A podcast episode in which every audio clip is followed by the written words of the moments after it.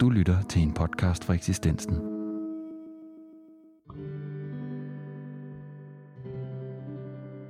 Der er blevet sagt og ment meget om reformationens betydning for eftertiden og om, hvilken indflydelse den har haft på, hvordan det danske samfund har udviklet sig og ser ud i dag. Eksistensen satte middelalderhistoriker og kalkmalerispecialist Ph.D. Torben Svendrup i stævne i Smørum Kirke til en snak om kvindernes rolle i middelaldersamfundet og om, hvad reformationens indtog i Danmark betød for kvindernes position. Torben Svendrups ekspertiseområde er middelalderen og ikke mindst kalkmalerierne i de danske middelalderkirker. Han er forfatter til bogen Hvorfor er vi så ligestillede, ligestillet citationstegn, om kvinden og reformationen, som er en del af eksistensens reformationsserie. En af de væsentlige kilder til ikke kun kirkens historie i Danmark, men i særdeleshed til folket og bøndernes historie er de danske kalkmalerier. Smørum Kirke er oprindeligt bygget i 1170, og kalkmalerierne i kirken er dateret til at være fra omkring 1500 til 1520.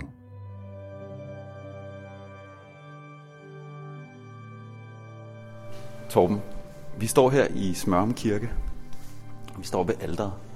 Øhm, vil du fortælle lidt om kirken, og hvorfor øh, den her den er særlig i forhold til, øh, til når vi skal kigge på kalkmalerier?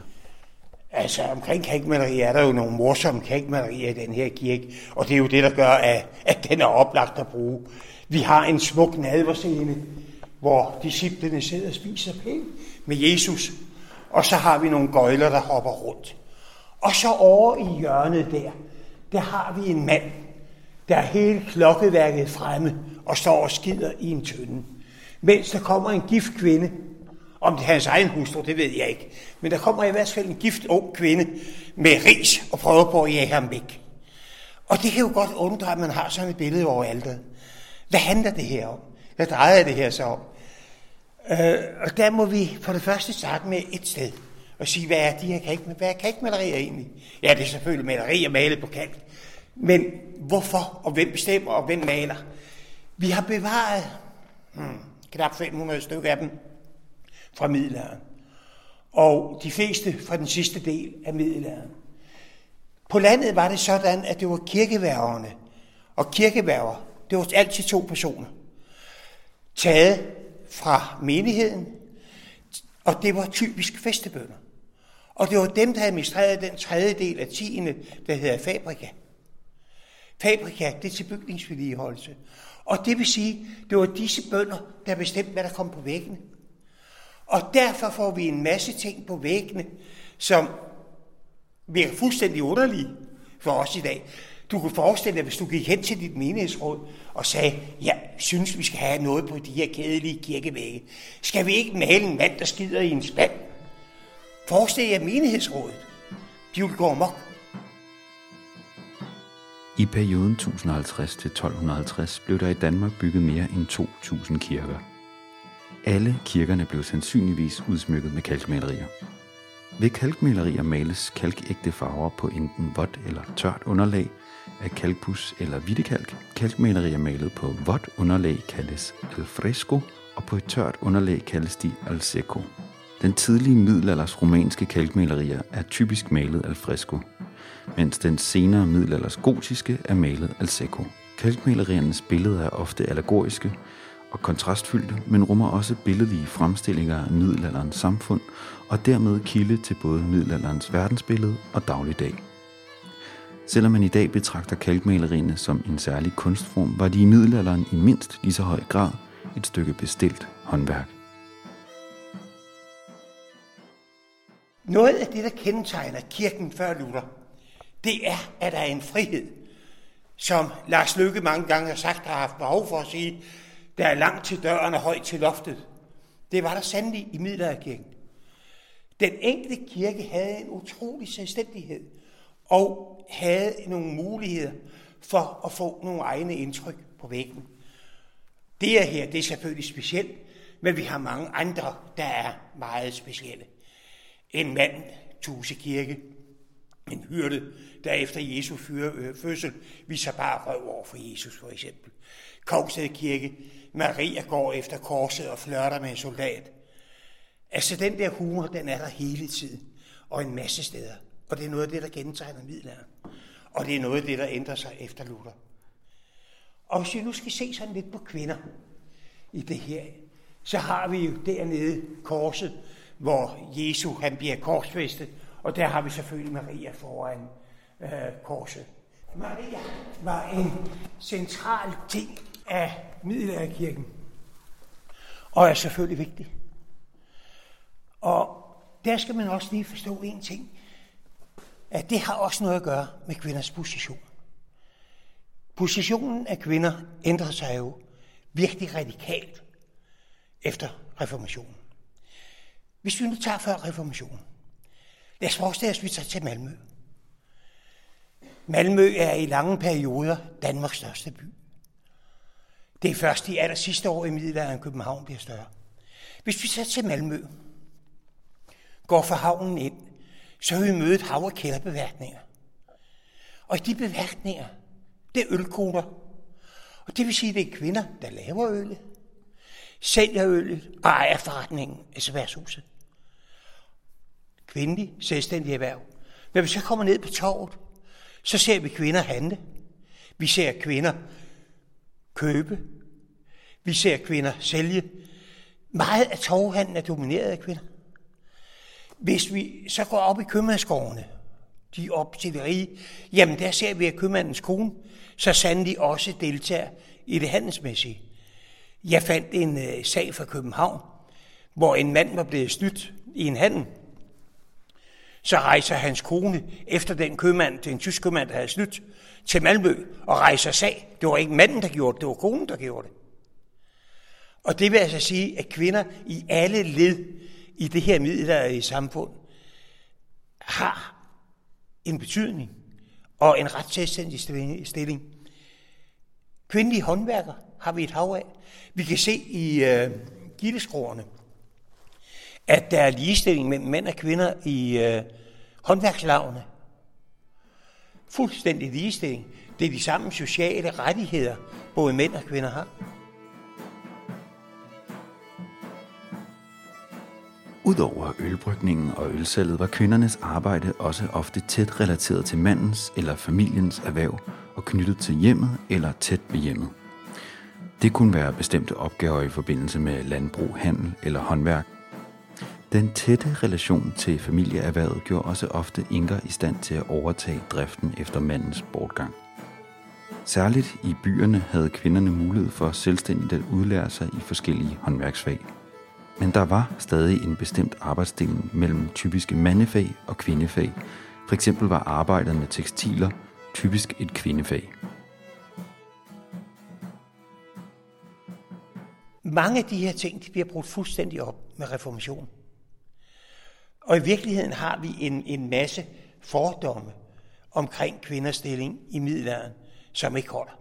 Når der er noget, der går galt i Afghanistan omkring kvinder, så siger man, det var som middelalderen.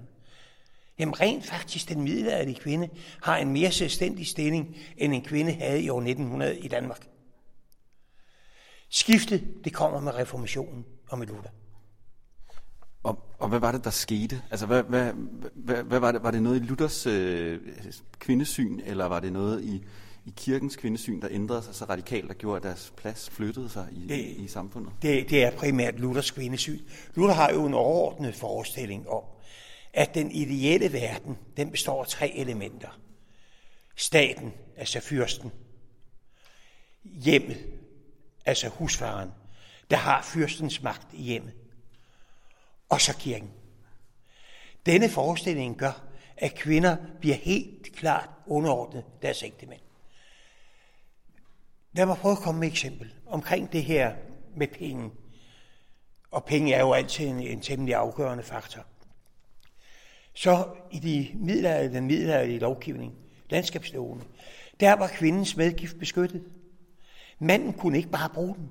Brugte han af kvindens medgift, så var den kommet med noget andet som sikkerhed. Blev en kvinde dårligt behandlet, kunne hun møde op på tinget. De danske landskabslove er en samlebetegnelse for middelalderens love i Danmark. Danmark var i middelalderen delt op i en række lande eller landsdele med hver deres dertilhørende domstol, kaldet landsting, alle samlet under kongen. Til hvert landsting var der tilknyttet individuelle love, og fra 1200-tallet blev nogle lande mere dominerende end andre, og det resulterede i fire primære lovsamlinger, indtil Jyske Lov fra 1500-tallet blev den primære lov i Danmark. Det var den indtil 1683, hvor den blev erstattet af Danske Lov. Da vi får reformationen, der er det slut med det. Der har manden, der går øh, en 50 år, så er manden fuld råderet over kvindens formue. Og kvinden bliver reduceret økonomisk til altid at være under manden. Hvis vi ser på erhvervsmulighederne, så ændrer de sig også totalt. Ølkonen, hun bliver til øltapperske. Det vil sige, hun får lov til at arbejde med at skænke øl i en mands ølkælder for en mands produktion. De kvindelige håndværkere forsvinder langsomt og stille. Og det forbydes kvinder at møde op på ting. Fordi det er kun manden, der kan møde op på ting. Det vil sige, at det er kun manden, der er en retsperson. Hvis vi så tager det seksuelle område, det skifter jo også totalt. Øh, I middelalderen, der har vi jo tre begreber. Lejermål, hår og utugt. Lejermål, det er for eksempel samleje før ægteskabet. Eller samleje mellem to andre ugifte personer. I det middelalderlige samfund, hvis en mand tog og lå i med en jomfru, så skulle han give en erstatning til jomfruens far. Pigen, ingenting. Gjorde han det igen, så skulle han ikke give nogen erstatning mere. Øh, det var en indgangsforestilling at give en erstatning. Og så færdig. Hår. Det var skamstraffe. Hår, det vil sige, øh, hvis en gift person har sex med en anden, det er hår. End den, man er gift med selvfølgelig. Øh, I den situation, før øh, reformationen, så kan man stams, øh, skamstraffe. Det mest morsomme, det er i Ribe, hvor man skal slæbe sønderen i lemmet fra byport til byport. Øh, ofte, det må jeg se morsomt ud. Forestil jer det på Købmagergade. Ej, det, det, det, det ville være noget, der ville gøre noget for mig. Men never mind. Det er skamstraffe. Hvis vi tager den sidste utugt, det betyder at, at gå i med prostitueret. Det var straffrit. Hvis vi så tager efter reformationen, der ændrer hele verden sig. Lejermål, der bliver både kvinde, altså sex, uden ægteskab, eller ingen af dem er gift eller noget, der bliver begge parter straffet. Tredje gang bliver de smidt ud af den by, de bor i. Hvis vi tager hår, der indføres dødsdom. Både for mand og kvinde. Manden skal halshugges, og kvinden skal sækkes. Det vil sige, at man skal tage en sæk og proppe ned i snørten til og smide den ud i vandet. Øh, hvis vi så tager den sidste utugt, der prøver man på at få dødsdom. Det lykkes ikke. Men der bliver indført brydestraffe. Sjællands første biskop, eller superintendent, som det hed, Peder Palladius, stod fra 1537 over for en kæmpe opgave med i praksis at få gennemført reformationen ude i alle Sjællands næsten 400 kirker. Peder Palladius påbegyndte derfor en rundrejse for at foretage de såkaldte visitatser. Det tog ham seks år, før han endelig havde været hele vejen rundt. Som et led i rundrejsen udarbejdede han en optegnelse en visitatsbog, der skulle gå hen og blive en væsentlig historisk kilde til 1500-tallets Danmark. Det er ganske morsomt. Læser man Peter Palladius visitatsbog, han kæmper for at få borgerskabet, få retssystemet til at dømme de her prostituerede. Et af hans argumenter, det er, er der en prostitueret i en landsby, så er der, ingen mænd, der vil gifte sig. Så det er synd for alle de jomfruer, der er i byen, at de ikke kan blive gift. Fordi mænd, de vil da hellere rende til luderen. Derfor skal de straffes. Det bliver så også indført. Øh, nogle år efter reformationen, så indfører man pisk øh, til de prostituerede. Gentagstilfældes jages ud af byen. Og det vil altså sige, og Luther vi i virkeligheden godt ville have haft dødslov, det er et helt, helt andet syn på det seksuelle. Hvor du i den før, katolske, øh, den før reformatoriske tid, altså den katolske tid, havde et ret stort frisind omkring seksualitet, så er det fuldstændig væk ved reformationen. Hvis vi ser på kalkmalerierne, så kan vi også se nogle forandringer, der siger bare to. Det er for noget forbandet vrøvl, som man lærte i skolen i gamle dage, at kalkmalerierne blev malet over ved reformationen. Man lod den der sidde men efter reformationen, ude i landsbyerne, der fortsætter man en 20-30 år med at male Maria og så videre, fordi man holder fast i de ting. Men da den rene lutheranske beder trænger ind, så bliver det som for eksempel i Snottelev, taget efter Kranak, hvor du har loven, fortabelsen på den ene side, og så har du frelsen på den anden side.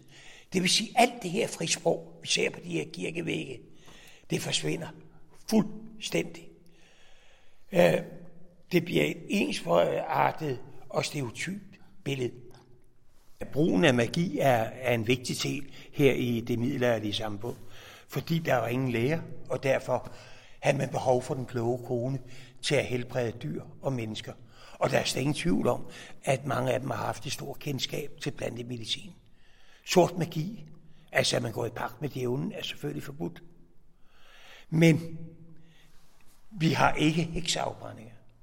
Øh, det er straffen, det er bod, kirkelig bod, og det er kirkeligt anlæggende.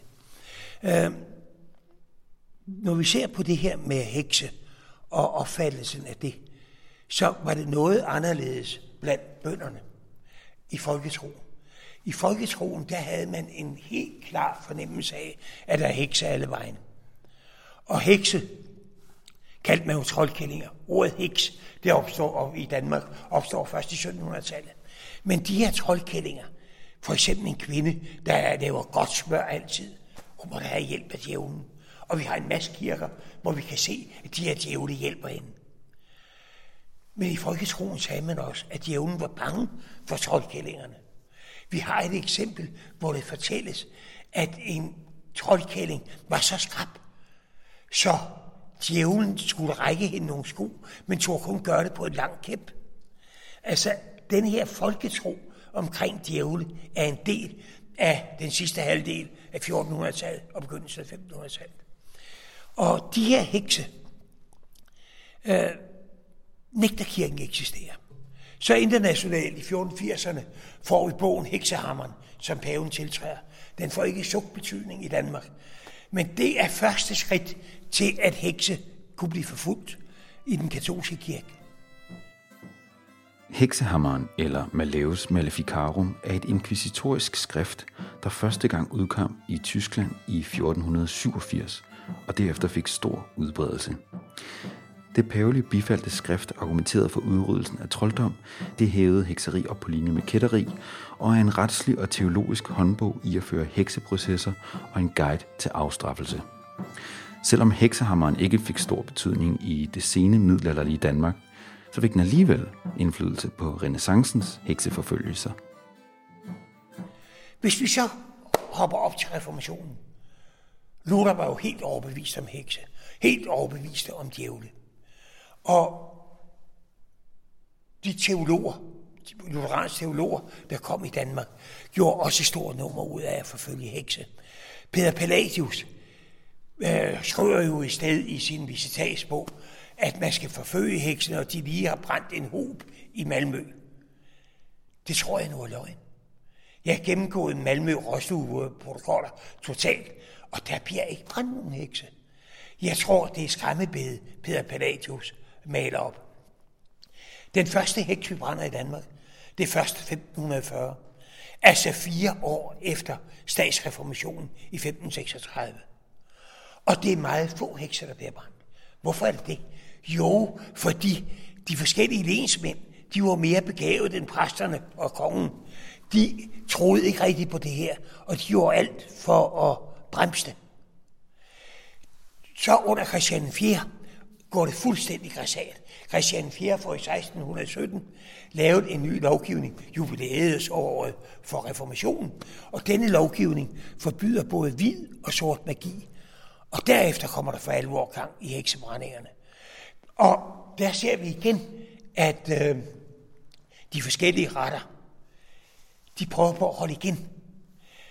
Men derimod ser vi, at kongen han intervenerer og kræver, at folk bliver brændt. Uh, Maren Splid er jo et fint eksempel på det. Hun er jo frikendt, Maren Splid for Ribe. Hun er frikendt.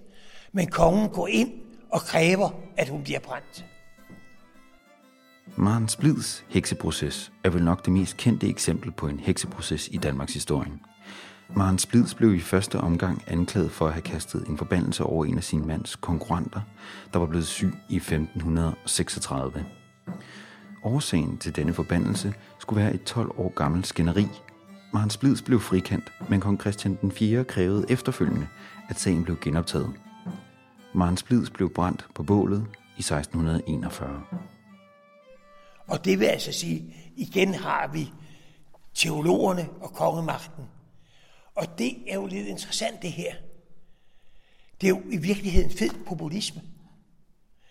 Øh, det er nationalkonservativ politik hele vejen igennem med Luthers, med fyrste, med kirke, med husfaren. Og de er heksbrændere, det er den laveste fællesnævner, du kan finde. Og det synes jeg det er lidt tankevækkende. Nu skal det her ikke misforstås, som om som jeg mener, at reformationen i helhed er et tilbageskridt, for det gør jeg ikke. Jeg mener, at vi vandt mange ting med reformationen. Men lige på kvindeområdet, der er reformationen katastrofal. Og det er jo ret sjovt, fordi øh, Luther var jo selv lidt af en øh, familiemand, tror jeg godt, man kan kalde ham, øh, i forhold til, hvordan det har været inden for kirken tidligere.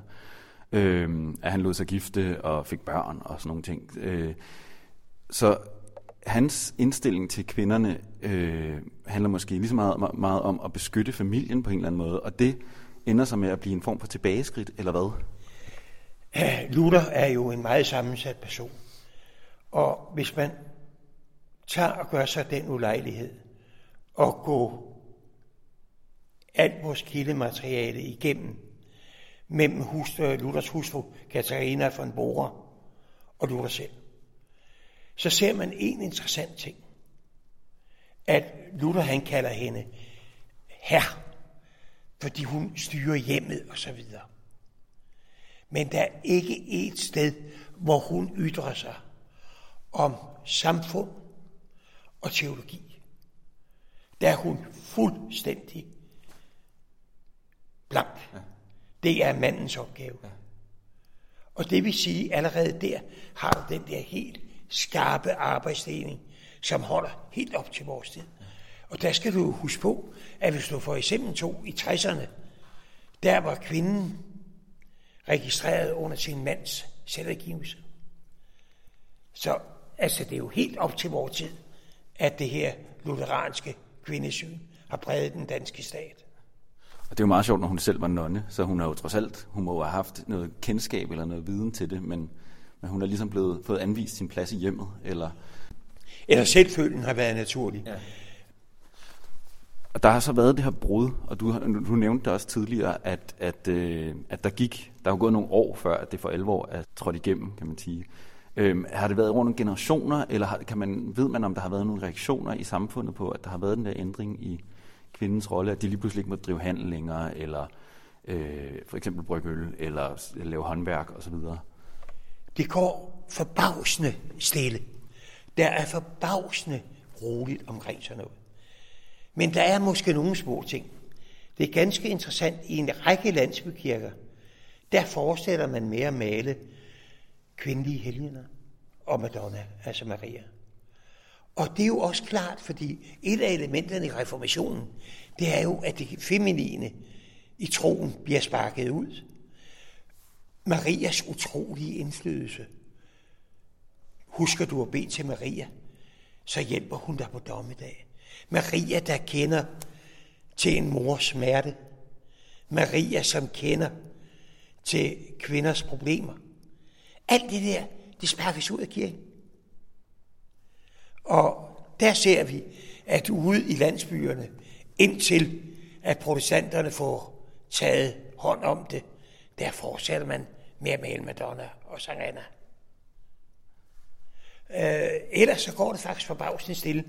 En forklaring kan være, at mange har tænkt, at det her med reformationen, det bare er en overgang. Det går nok i orden igen. Men det gjorde det jo ikke. Hvor tror du den her historiske fejlslutning mellem, at, at middelalderen i virkeligheden er blevet til en meget, meget negativ, mørk ting, og så efter reformationen, altså renaissancen, er blevet mere sådan en positiv ting, og det er lysere tider i forhold til, hvad der langt hen ad vejen er sådan historisk øh, korrekt? Jamen det kan vi spore helt tilbage til renaissancen. Renaissance betyder genfødsel. Genfødsel af antikken, den lysende tid. Og der skiller man middelalderen som en mørk mellemperiode.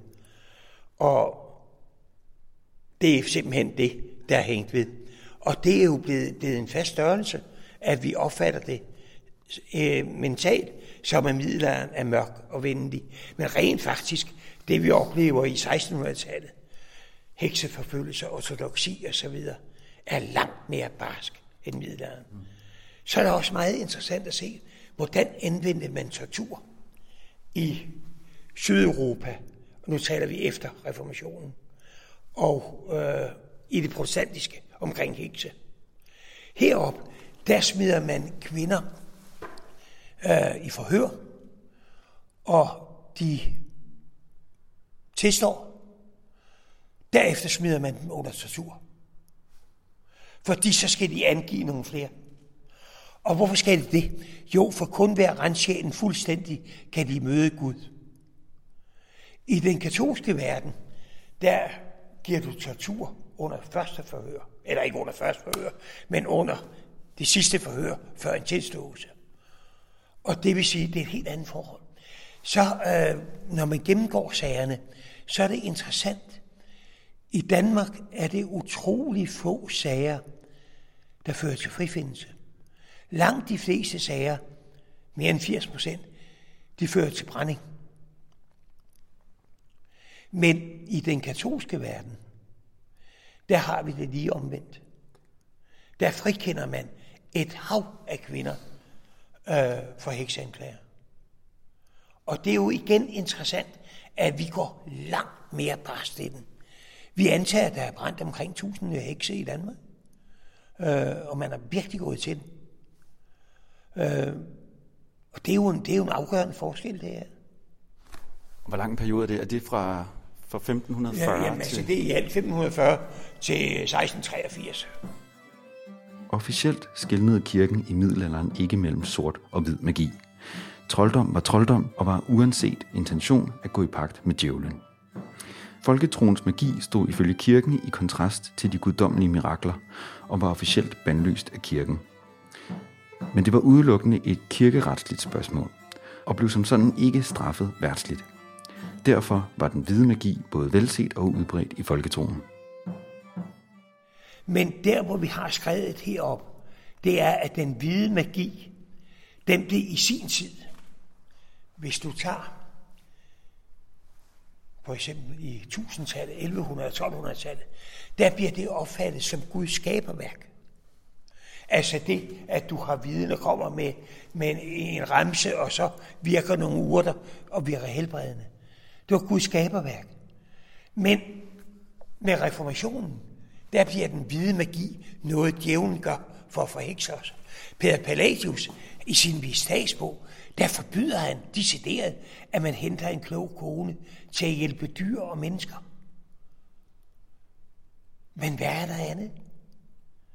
Og det, det fører så frem til det næste element. I folks forestilling omkring hekse i Danmark, så tror de, det har noget med sex at gøre. Jeg tror, at jeg har fundet en eller halvanden sag, der kan have et lille seksuelt præg. Og det er noget med en kvinde har prøvet på at forhekse en mand til at elske hende. Men ellers er det ikke. Det er typisk kloge koner. Og så er det nogen, der har udfoldet sort magi, altså for at skade nogen med forbandelser. For hvorfor bliver folk lige pludselig syge, der har været raske, så er det nok en forbandelse. Øh, sagen Køge Huskors for 1612 er et flot eksempel på sådan en sag her, hvor der udvider sig og udvider sig, og der bliver flere og flere, der bliver brændt. Øh, en af heksens tjenestepiger, hun bliver brændt, fordi hun er blevet lukket til, hun er lam i det ene ben. Hun er blevet lukket til, hvis hun tissede i Køge Kirkes, altså Nikolaj Kirkes døbefond, så blev hun rask. Og det gjorde hun. Og hun blev ikke rask. Og hun blev brændt på bålet for hekseri, og døbefonden blev smidt ud. Den står på Køge Museum nu, og borgmesteren gav en ny kedelig køb for døbefond til kirken. Øh, jeg synes, det er meget morsomt, den døbefond, den kan man se den dag i dag på museet. Jeg faldt over et brev. Jeg ved godt, man ikke må læse andres breve, Men det er Gregor, den 7. Han sender i 1080 øh, et brev til den danske konge. Og øh, hvad skriver han i det brev? Jamen, han skriver ganske enkelt, at nu må det være slut med at brænde kvinder for at påvirke vejret for de give dårligt vejr og sygdom. Han går simpelthen ind og stopper det der. Der går paven ind og siger til den danske konge, nu må du altså forstyrre over Danmark. Du skal huske på, at det her det er sådan cirka 100 år siden, at Harald Blåtand er blevet kristen. Og danerne er ikke kristne. I virkeligheden så er middelalderen en lysere periode end vikingetiden, og kvinderne har en langt bedre stilling i middelalderen, end de havde både i vikingetiden og i reformation. Der ved jeg godt, der siger man så ofte, at kvinderne i vikingetiden, de var de frie, når manden var på togt. Men der er aldrig nogen, der stiller spørgsmålet. Hvor mange var egentlig på togt? Det var det absolut de allerfærreste af mændene, der var på togt. Det vil sige, at de fleste har siddet derhjemme. Det vil sige, at det har været undtagelserne, hvor kvinden så kunne styre gården, når manden var ude. Og når han så kom hjem, kunne han så mænd banke. Øh, I virkeligheden så betyder kirken for kvinden en lang række måder at få sikkerhed på. Arveret, en fuldstændig sikker arveret. En kvinde var sikker på at arve et halvt hoved eller halvdelen af, hvad hendes bror altså. En kvinde var sikker på, at hendes medgift måtte manden ikke røre. En kvinde havde også den sikkerhed, at boede hun sammen med en mand i to vinter, så var de per automatik gift. Fordi man ikke bare øh, måtte bo sammen med en, og så se, om der dukkede noget, der var op, der, der kunne give en bedre øh, social status. Så derfor så hang man på den på den måde, så hænger man på kvinden. Øh, det, det vil altså sige, at den her misforståelse, vi har om middelalderen, den ligger både i forhold til reformationen og i forhold til vikingetiden. Det, øh, hvad hedder det, kalkmaleri, vi kiggede på først herovre, ja. med manden, der, øh, der skider i spanden. Øh, øh, jeg vil gerne vende tilbage til det, fordi øh, da, jeg, da jeg kiggede på det billede, der synes jeg, det var ret interessant, at manden bliver fremstillet, altså nøgen, og i en meget sådan fjollet, fjollet situation, og det er kvinden, hun står med en, hun har sådan en meget øh, tilknappet kjole på, og det er hende, der opfører sig ordentligt. Hvordan er forholdet generelt, når man kigger på kalkmalerierne? Bliver, bliver, bliver kvinden, er det, er det manden, der bliver fremstillet nøgen og, øh, og i lidt mere sådan øh, kompromitterende situationer end kvinden, eller er det sådan en... Øh, nu, nu er der i virkeligheden meget få, der bliver fremstillet nøgen i, i, i den middelalderlige kunst. Og der er nok lidt flere, det er flere mænd, end det er kvinder. Vi har dog øh, nogle nøgne bryster, hist og pist. Øh, Vejby Kirke for eksempel op øh, Djursland, øh, hvor, hvor vi har en heks, øh, der kommer med struttende bryster. Så der er altså noget også øh, den vej rundt.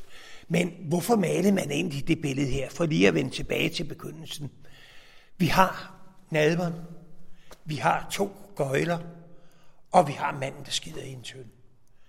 Hvad er det? Hvordan delen får man en så vanvittig idé? Jeg tror, forklaringen er ganske enkel. Det er kirkeværgerne, der har bestemt, hvad der skulle på væggene. Og de har alle sammen set nadveren på grund af kirkespil, hvor man har opført nadveren i, i real time, og det har jo været død sygt. Øh, den, den kører i real time, og det vil sige ikke ligesom på en god film, hvor det lige bliver kortet ned til 30 sekunder. Det er, at man sidder måske og skal glo på de der, der spiser i to timer. Det er dødens pølse. Hvad så? Jamen, når der er kirkespil, så kommer der folk til. Og når der kommer folk til, så er der gøj. Og det vil sige, at der har været gøj samtidig med kirkespillet. Og når der er gøj, og når der er mennesker, så bliver der et, og der bliver drukket. Og når der bliver et og drukket, så skal folk skide og pisse. Og det er det, vi ser. Det vil sige, det vi nok ser her, det er et billede af det, der er foregået herude med kirkespil. Det er det, jeg tror, der er forklaringen på det. Så det er i virkeligheden mere et billede af, af samtidens religion, end det er ja, et billede af de sådan... Ja, religiøs forståelse, ikke? Ja. Så det, det, det er det, jeg tror, det er. Ja. Hvis Luther ikke var blevet gift, så havde det formodentlig været endnu mere kvindefjendsk, end det, der kom ud af det, det tror jeg. Men det er jo kun et spørgsmål om tro. Vi aner det ikke. Øh, noget af det, der jo er, er særligt, det er, at Luther, han tillader jo seksualiteten i ægteskabet, og ser på seksualiteten i ægteskabet som positiv. Der skal vi huske på, der er en katolske kirke jo, både for mand og kvinde, og det har vi jo selvfølgelig slet ikke været inde på, fordi vi har taget en specifik om kvinder, en lang række restriktioner. Man må ikke have sex i fastetiden. Jeg fandt en prædiken øh, af en øh, tiggermor, der står inde i København og siger, nede i Slagelse, der er der en kvinde, der er født et barn med to hoveder, fordi hun havde sex i fastetiden. Øh, og man måtte ikke have sex, selvfølgelig i forbindelse med menstruation. Man måtte ikke have sex 40-20 dage efter en fødsel, og så videre, og så videre. Der har vel været cirka 180 dage, man ikke måtte have sex. Øh, i, i den almindelige middelalder. Det vil sådan sige rundt regnet halvdelen af året. Øh, for, lidt forskelligt, alt efter hvordan dagene falder. Øh, men øh, når jeg siger, at man ikke må have sex i fasttid, så gælder det jo selvfølgelig også fredag, som er fast fastedag. Men det korte af det lange ved, det er, at alle de her restriktioner forsvinder.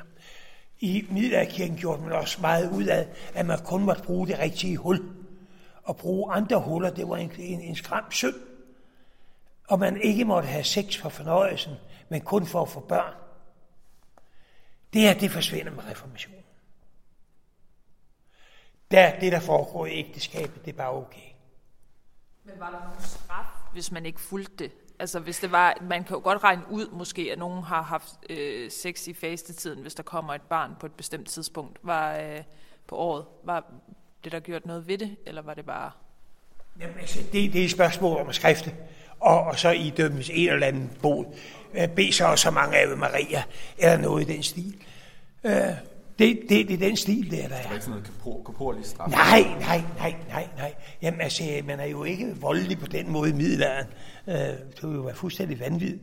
Alle gør det jo. Uh, altså, det, det er jo sådan ligesom noget grundindstilling. Jamen, det er det samme. Uh, hvis vi tager sådan noget som en præst. Han skal leve i sølibatet.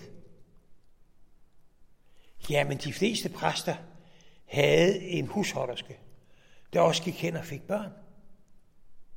Der er ingen strafforfølgelse overhovedet. Det er accepteret. Vi har så sent som i 1497, øh, en, nej 96, fra Lund Stift, hvor ærkebiskoppen i Lund går ind og prøver på at sige, at præster ikke må slæve deres piger og deres afkom med til store fester og til kirkelige ting og sådan noget. Han prøver på at begrænse det. Det, det er en del af, af, af hverdagen, at man har det. Man har en meget mere frit øh, syn på det. Du har lyttet til Eksistensen podcast. Man kan læse mere om reformationens virkningshistorie i Eksistensens reformationsserie. Hvis man er interesseret i at vide mere om magi, trolddom og hekseprocesser, så kan man læse bogen I pagt med djævlen, som er tilgængelig på Eksistensens hjemmeside. Og så planlægger eksistensen også at udgive en bog af Torben Svendrup om trolddom og magi i efteråret 2018. Tak fordi du lyttede med.